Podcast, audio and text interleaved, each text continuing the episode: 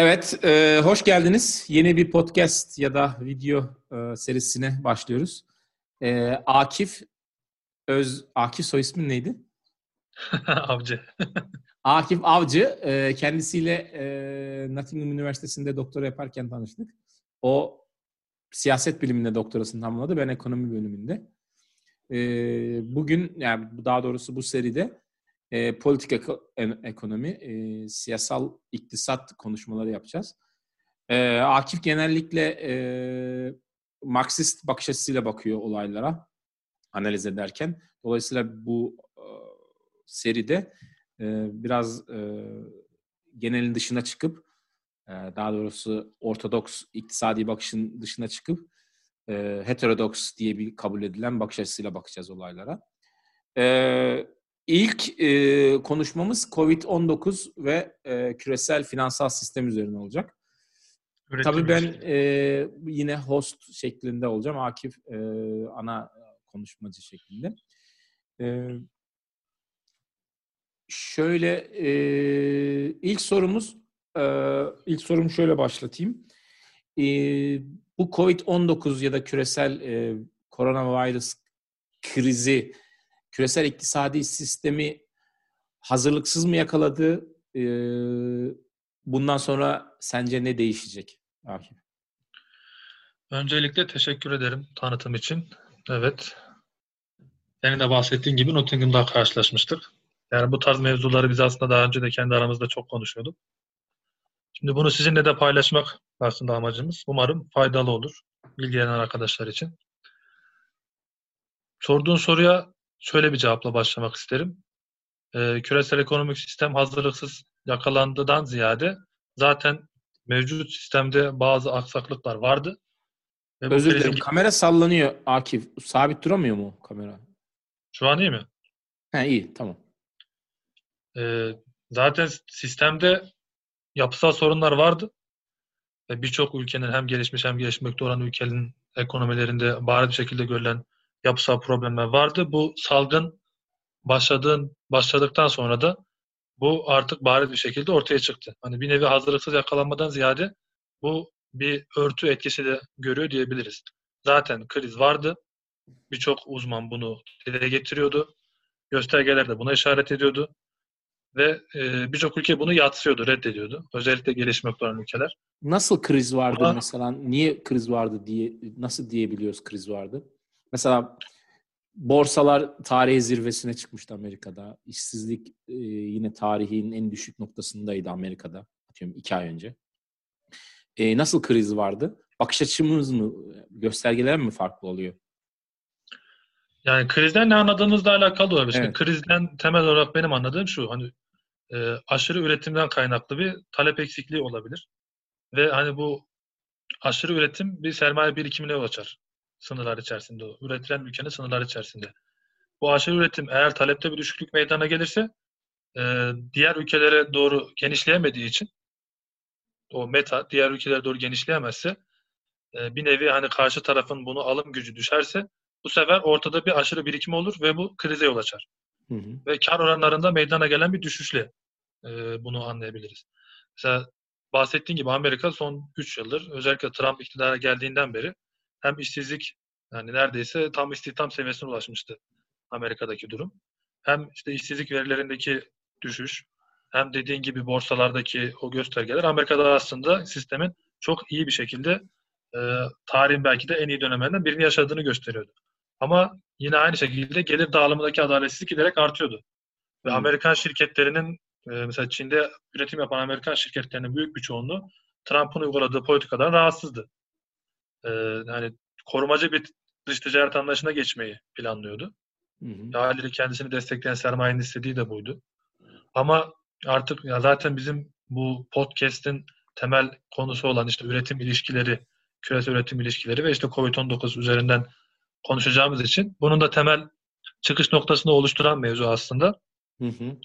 Ee, yani Çin'de ve dünyanın farklı birçok yani emeğin ucuz olduğu birçok ülkede üretim yapan şirketler bu korumacı politikalardan rahatsız olmaya başlamıştı. Hani bu da aslında e, Amerika'da özellikle faizlerin e, düşmesi, e, yani oradaki sermayenin artık gelişmekte olan ülkelere akışını kısıtlamaya başladı. Böyle olduğu zaman üretim daha maliyetli bir hal almaya başladı. Bu üretim maliyetli bir hal almaya başlayınca zaten e, en başta söylediğim talepteki düşüşü tetikledi ki bu talep zaten gelişmekte olan ülkeler büyük bir kısmı. Hani buradaki e, gelir seviyesinde ekonomideki kırılganlıklar bir nevi sistemdeki bu üretim yani global value chain diyorlar ya hani bu evet. küresel değer zincirinde bir kırılmaya sebep oldu. Yani temel olarak buydu yani. Zaten kriz vardı. Hani Amerikan dolarının yerel para birimleri karşısındaki yükselişi sadece hani gelişmekte olan ülkeler değil, gelişmiş olan ülkelerde de az çok veriler bunu gösteriyordu. Ve bu kriz gelince Hı-hı. artık e, bu gün yüzüne çıktı diyebiliriz. Yani ee, ben öyle Burak Hoca'ya da sordum. Sana da tekrar sorayım. 2008 e, yılında da aynı şey, benzer şeyler söylenmişti. İşte e, iktisadi sistem ya da finansal, küresel finansal sistem eskisi gibi bir, olmayacak. İşte kapitalizm yanlışını anladı. E, fakat e, işte daha demin de söylediğimiz gibi işte 2020 yılının başlarında e, işte borsalar rekor kırdı, işte finansal sistem yine çok iyi noktalara geldi. Sanki hiçbir şey öğrenilmemişti. Aynı şeyleri şimdi tekrar söylüyoruz. Ee, bir krize girdi ve e, tekrar e, küresel finansal sistem yeniden yapılandırılacak ya da yapılandırılmak zorunda. E, ama bunun karşısında bir her şeyi unutan bir kitle var dünyada. Bunun sebeplerini, sonuçlarını kısa zamanda unutuyoruz. Benzer şeyler mi olacak yoksa bu biraz farklı mı? Çünkü krizin kendisi bizatihi finans dünyasından gelmiyor. Sanki finans dünyasının çok suçlanmayacak. Dolayısıyla oraya yönelik bir şey olmayacak gibi. Yoksa bütün dünya bundan etkilenecek. Dolayısıyla üretim ilişkileri, belki tüketim ilişkileri değişecek mi? Ne düşünüyorsun? Aslında bu konuda hani bir öngörüde bulunmak biraz zor. Hani sonuçta biz kahin değiliz. Evet. Hani biraz kehanete varmadan hani sadece öngörülerimizi söyleyebiliriz. Aslında bu kriz hani yapısal olarak 1929 krizine benziyor. Hani sonuçta üretim ağında meydana gelen bir kriz. İlk etapta senin de bahsettiğin gibi finans alanından ziyade 2008 krizinden farkı da bu. Hı hı. Krizin temel çıkış noktası üretim zincirindeki temel hani birinci aşamada hani üretimde meydana gelen arz şoku. E, evet. Yani bir nevi e, ana akım tabirle arz şoku evet. Ne olacağını tahmin etmek zor. Ha, ama evet. dediğin gibi hani bundan sonra e, daha korumacı bir dış ticaret politikasına mı geçer ülkeler? Daha işte kalkınmacı, milli ekonomi modeline mi geçerler? İşte bunları zaman gösterecek bize. Buradan e, ne öğrendik, ne öğreneceğiz? Aslında bu krizin ne kadar süreceğiyle de alakalı. Şimdi 3 ay daha böyle devam ederse bu süreç evet. hani ne olacağını kestirmek çok güç. Peki mevcut yani heterodok iktisat penceresinden baktığımız zaman mevcut ıı, üretim ilişkilerinin resmini çekersek ne görüyoruz şu anda? Şimdi demek ki biraz önceki sorduğun soruyla en konuya geliyoruz. Yani şöyle, şimdi mesela 1929 krizinden sonra ne olmuştu? Ee, özellikle 1945'e kadar bir durgunluk vardı ve sonrasında 45'ten sonra artık Keynesyen politikalarla işte talep artırıcı, e, devletlerin işte para basarak, işte talebi, iş, maaşları yükselterek, e, ne bileyim örgütlenmeye, sendikal örgütlenmede daha çok e, yer açarak, bunlara engel olmayarak bir nevi e, piyasada oluşan birikimi tüketmesi için e, çalışan kesime, orta sınıfa e, sübvanse etmeye başladı. Hani bunlara göz yumdu diyebiliriz. Hani evet. talep artırıcı politikalarla bu süreci atlatıp 70'lere kadar geldik. 70'lerde artık e, sistem hani şu anki küreselleşme diye anladığımız olgu aslında 70'lerle başladı. Hani neoliberalizmin bütün dünyaya yayılması. 90'larla birlikte artık Sovyetler Birliği'nde yıkılması tek kutuplu bir dünya. Hani sınırsız bir dünya olarak tanımlıyoruz ya. Aslında evet. sınırsız değildi. Hani şöyle sınırsız değildi. Birçok gelişmekte olan ülke, üçüncü dünya ülkesi ya da diğer tabirle hı hı. E, kendi ürünlerini dış pazarlara sokarken bazı kısıtlamalara tabi kalıyor.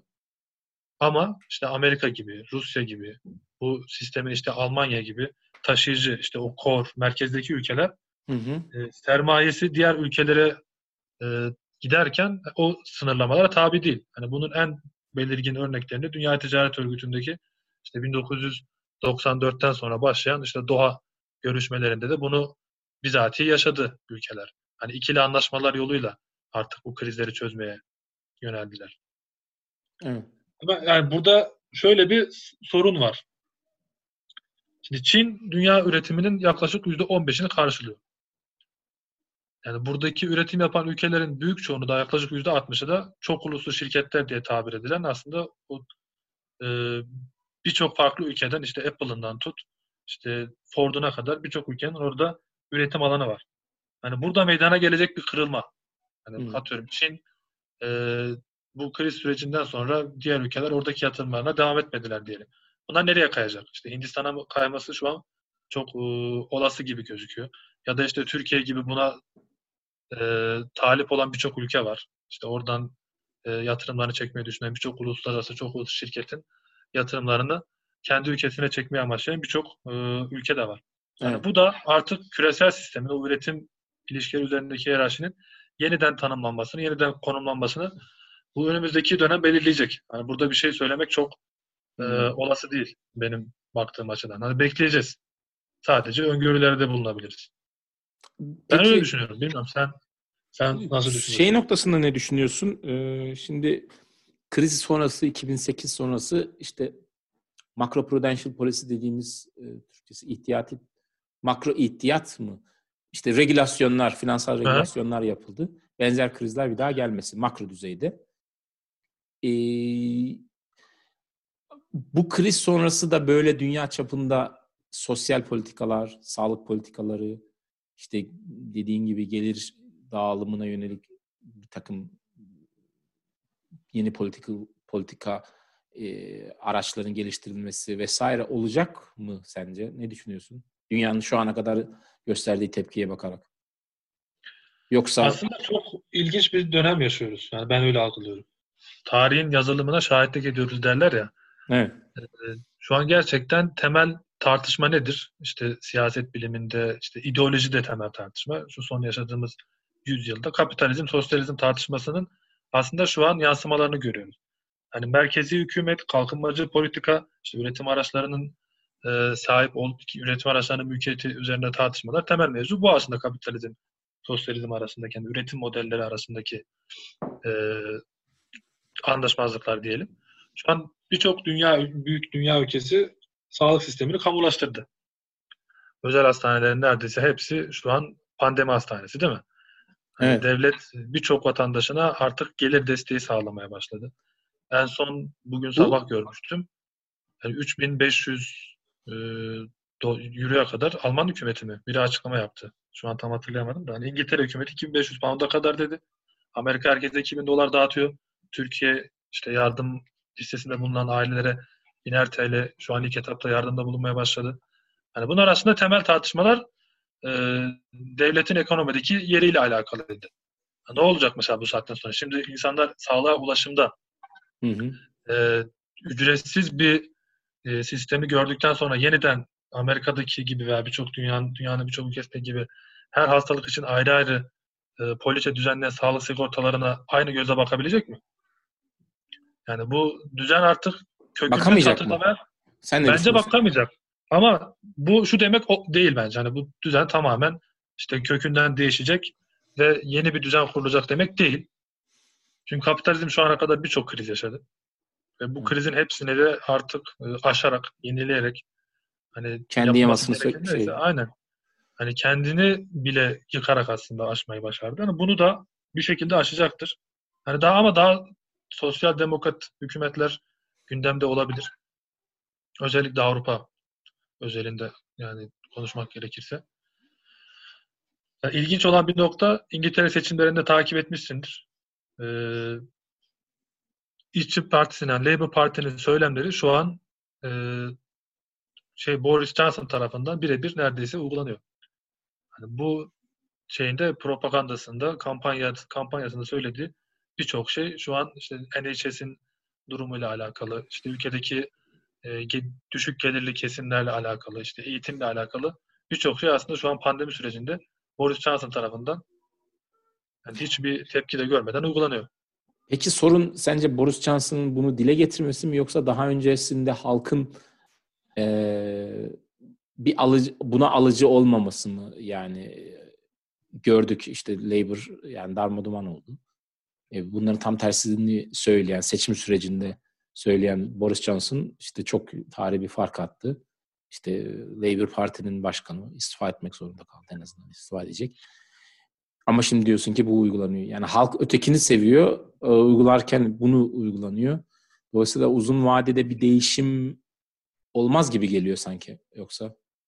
Halk talep etmiyor. Halk talep etseydi bir önceki e,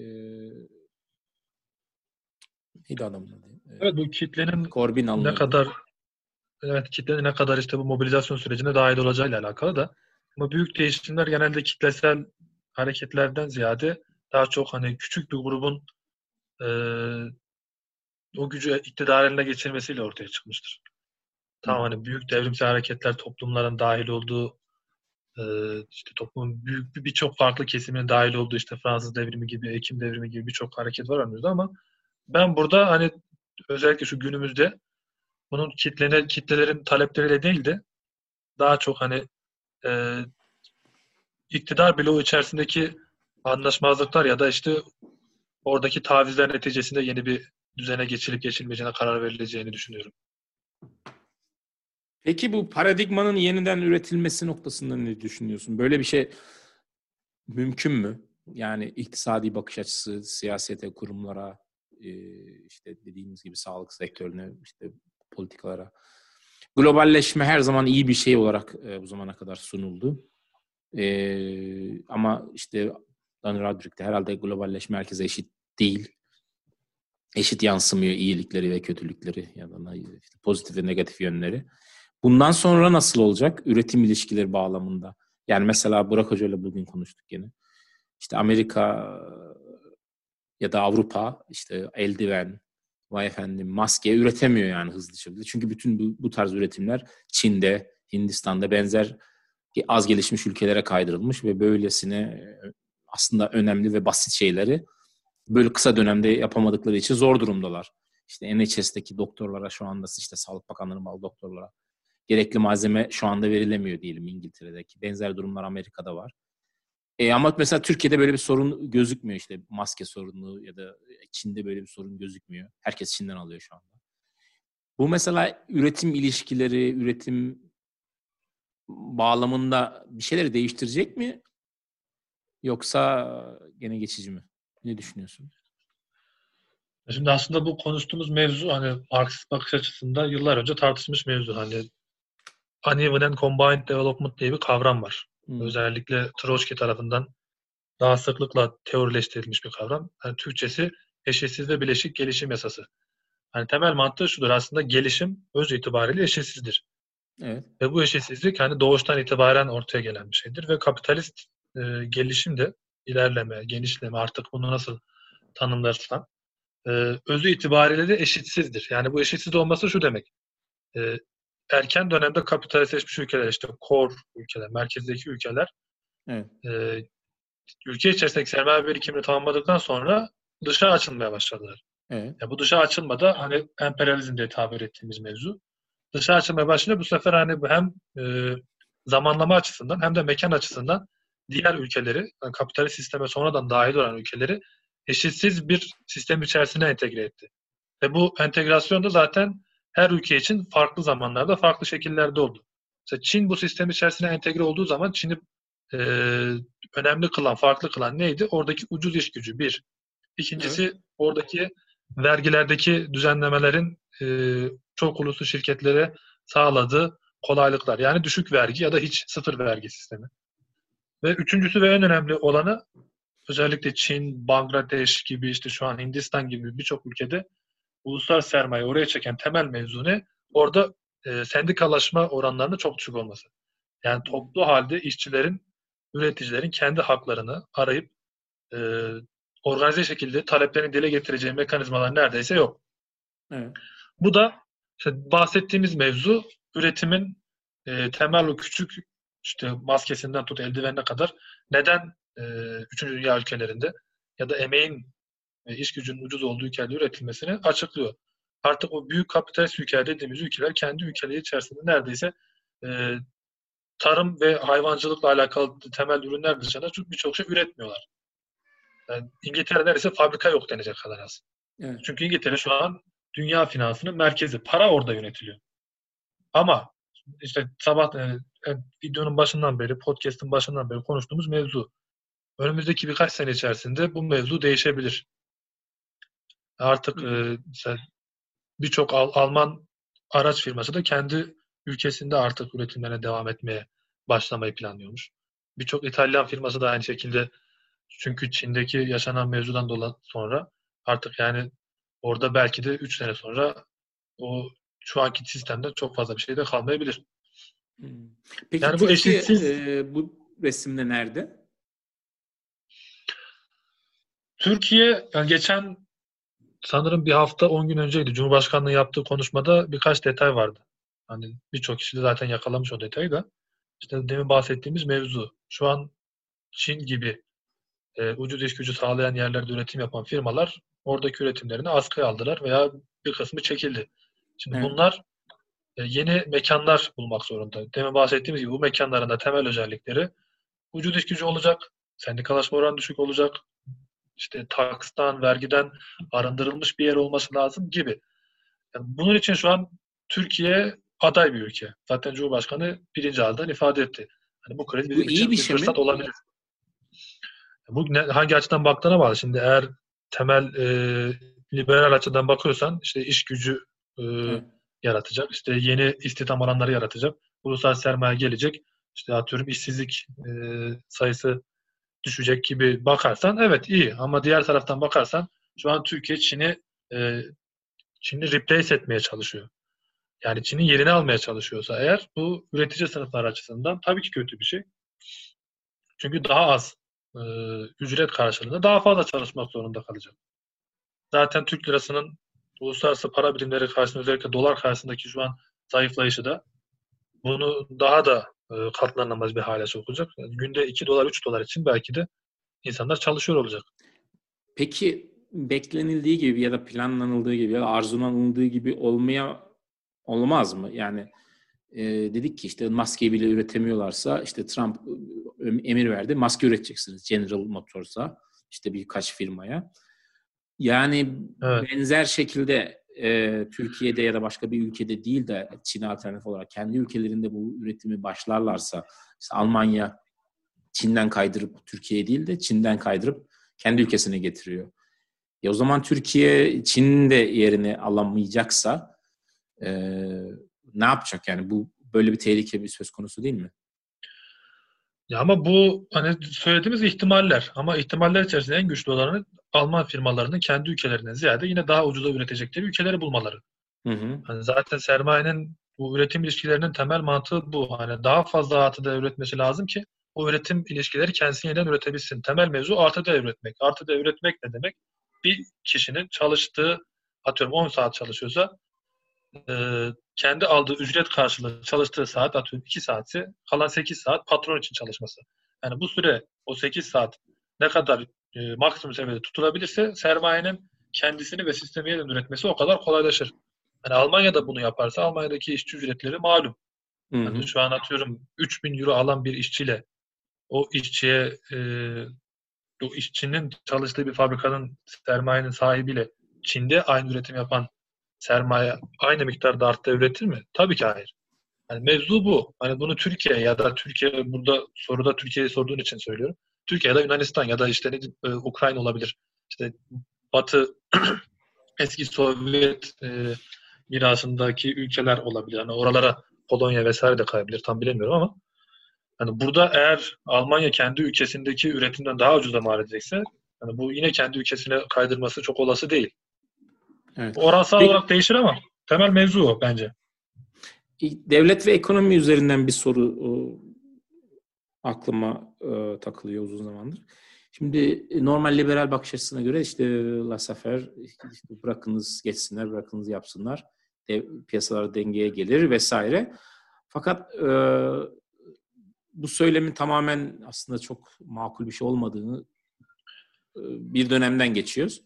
Şimdi devletler hızlıca işte maliye politikası, sen Merkez Bankası vesaire hızlı bir e, giriş yaptı ekonomiye. Bazıları zaten içerideydi ama hiç olmadığı gibi. E, bunun efficient yani, verimli olup olmadığını göreceğiz. Ama soru şu. Bütün dünyadaki ekonomilerde bu şekilde devletin rolü gitgide artar mı? Yani bu bir kalıcı hale gelir mi sence? Ya da en azından böyle bir talep mi oluşur? Aslında biraz önce konuştuğumuz mevzu hani temel olarak sosyalist üretim ilişkileri mi, kapitalist üretim ilişkileri mi? Burada yine devletin rolüyle alakalı. Planlamacı, kalkınmacı bir ekonomi modeli düşünürsek burada devletin ekonomide daha aktif bir şekilde rol aldığı bir sistem. Temel Hı-hı. mevzu. Ama devletin e, şu an bu kriz döneminde, bu salgın işte epidemi dönemindeki oynadığı rol bundan sonra devletin aynı şekilde kalıp kalmayacağına dair bir ipucu veriyor bize aslında. Yine benim tahminim hani bu önümüzdeki kısa vadede devletler daha e, en azından bu sistem kendisini yeniden üretecek duruma gelene kadar şey gibi düşün. Yani 1980'de Türkiye'de darbe oldu. 83'te ilk siyasi seçimler yapıldı. 83'te sivil bir iktidar devraldı. O 3 senelik, 2,5 senelik süreci idare edecek daha otoriter bir yapıya ihtiyaç vardı. Daha işte e, sistemin gereklerini, yasaları vesaire ortaya çıkaracak bir güce ihtiyaç vardı ve o görevini tamamlayınca yerini e, sivil bir iktidara bıraktı. Şu anda e, önümüzdeki işte birkaç sene içerisinde bu daha müdahaleci, daha e, sistem içerisinde aktif şekilleri olan devletler piyasayı düzenleyip yine kendi akışına bırakacak bir noktaya getirebilirler. Ha temel mevzu devletler e, işte liberal bakış açısıyla Marksist bakış açısının ayrıştığı nokta da bu. Liberalizmin temel iddiası nedir? Devletler ekonomi müdahale etmesin. İşte dedin ya sen bırakınız yapsınlar, bırakınız geçsinler. Ama bu teorik olarak e, böyle olsa da pratikte bunun böyle olmadığını zaten görüyoruz. Hı. Yani hiçbir kapitalist devlet piyasayı kendi başına e, işlemesi için bırakmamıştır. Sürekli piyasaya müdahalelerde bulunmuşlardır. Hani bir sermaye grubunu diğerine seçmeden tut, hani e, fraksiyonlar arasındaki o çatışmayı yönetmesinden tut, temel olarak işte yönetici ve iktidar bloğunun e, işçi ya da işte proletarya dediğimiz sınıfa karşı olan güçlerini temel olarak korumasına kadar devlet bu sistemin içerisinde zaten var. Yani evet. Devlet zaten burada bir ilişki. Bu ilişkinin somutlaşmış hali. Yani tamam anla, e, şunu merak ediyorum. Evet bırakıp gidiyor mesela birkaç sene düzeltiyor. Kendi kendini düzeltemeyen piyasaya e, devlet müdahale ediyor. Düzenli hale getiriyor. Belli bir süre sonra çıkıyor. Ama bu bir devir daim şeklinde oluyor. İşte 2008 krizinde, şimdi, daha öncesinde. Bunun bu sirkülasyondan çıkması için halk bir talep göstermeyecek mi sence? Yani, devlet orada çıkmıyor. Bak mevzu şu daha düzgün ifade edeyim o zaman.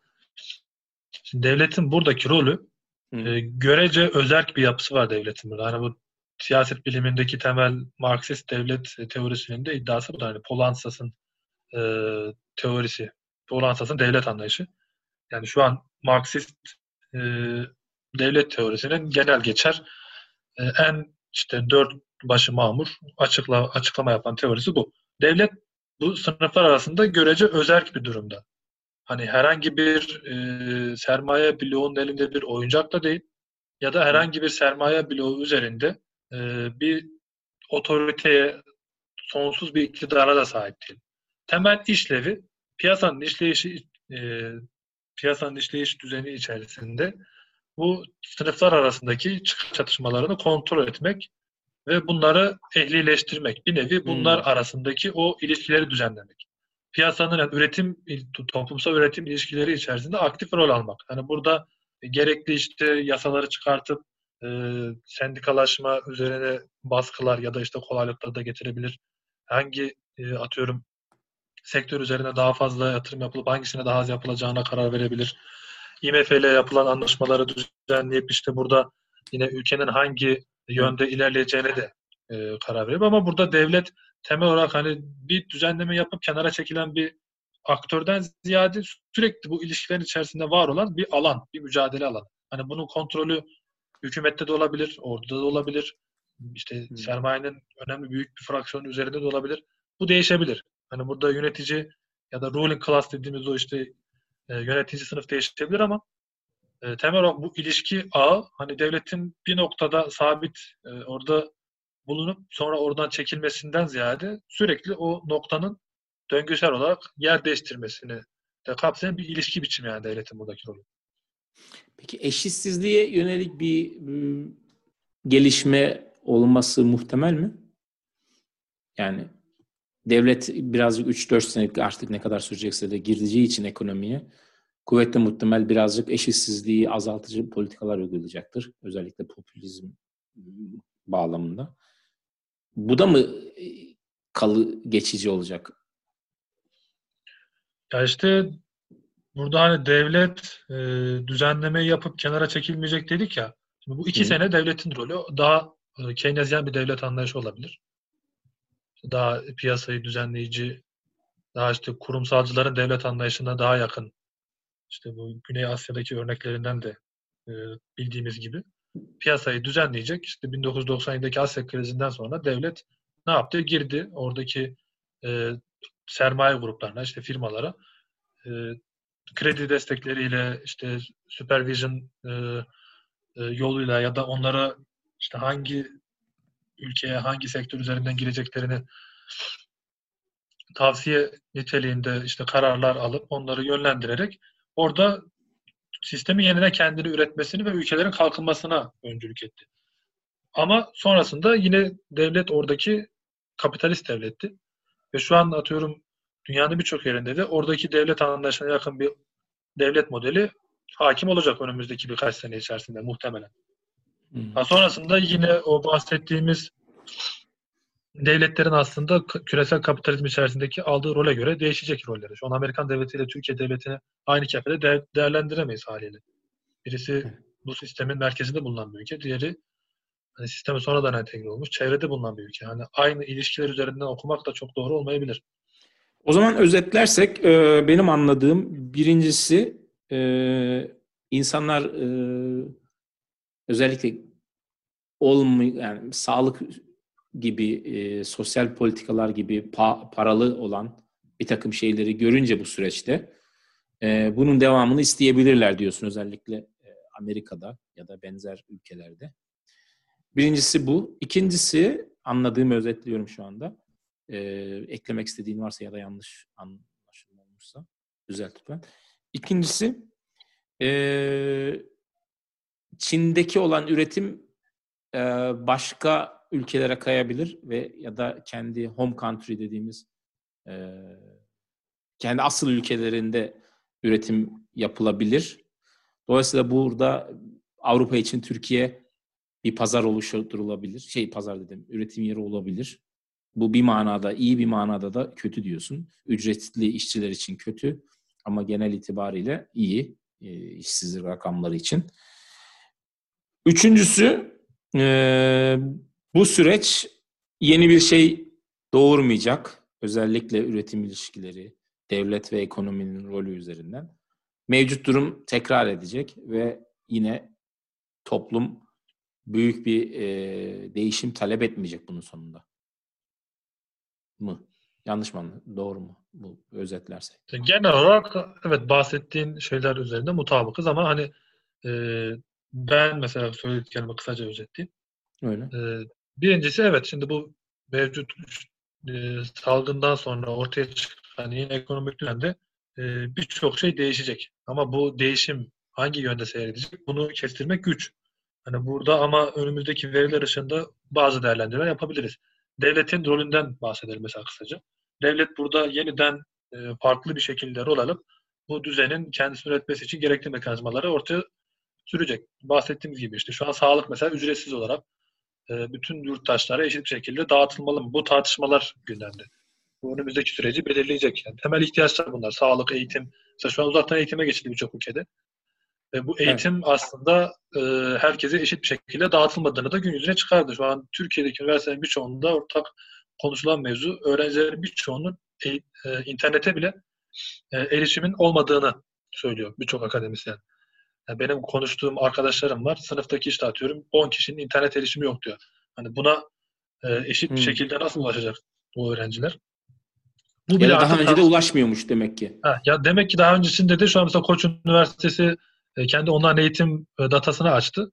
Şimdi oradan girip de atıyorum Osmaniye'deki bir öğrenci girip baktığı zaman orada Koç Üniversitesi'ndeki öğrencilerin aldığı eğitimi bir de kendi üniversitesindeki imkanları kıyasladığı zaman artık onun da belki kafasında bazı soru işaretleri ortaya çıkabilir. Ee, ya da eğitim üzerinden şu an mesela özel okullar ve devlet okulları arasındaki işte bu ücret farklılıkları da gün çıkmaya başladı. Oradaki öğretmenlerin aldığı maaşlarla özel okullardaki öğretmenlerin aldığı maaşlar arasında da bayağı bir uçurum var.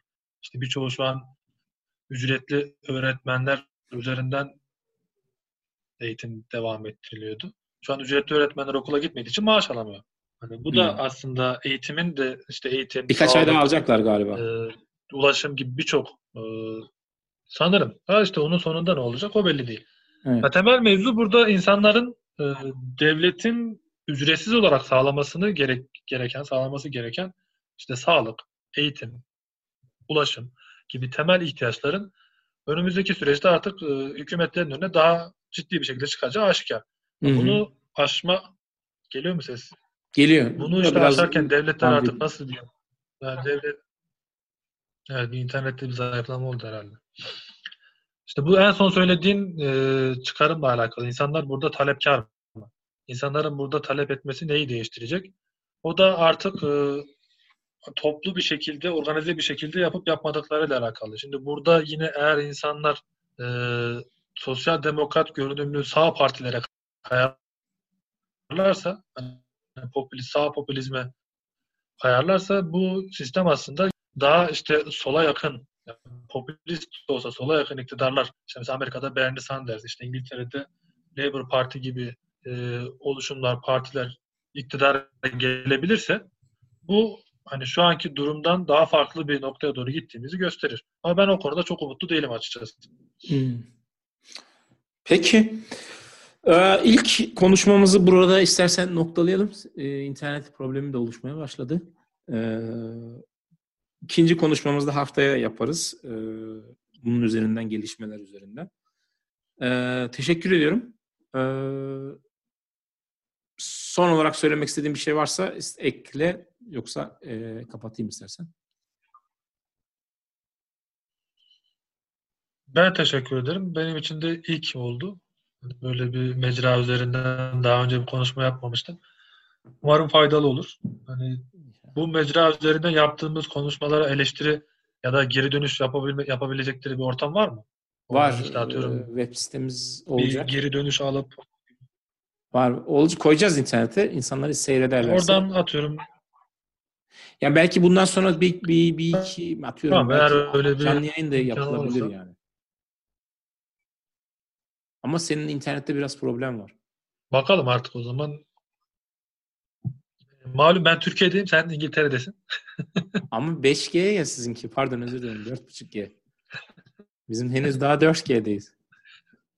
Bak mesela internet mevzusu da internet mevzusunu konuşmadık. Mesela İngiltere'de şu an herkese sınırsız internet verilsin diye işte seçimden önce Corbyn bas bas bağırıyordu.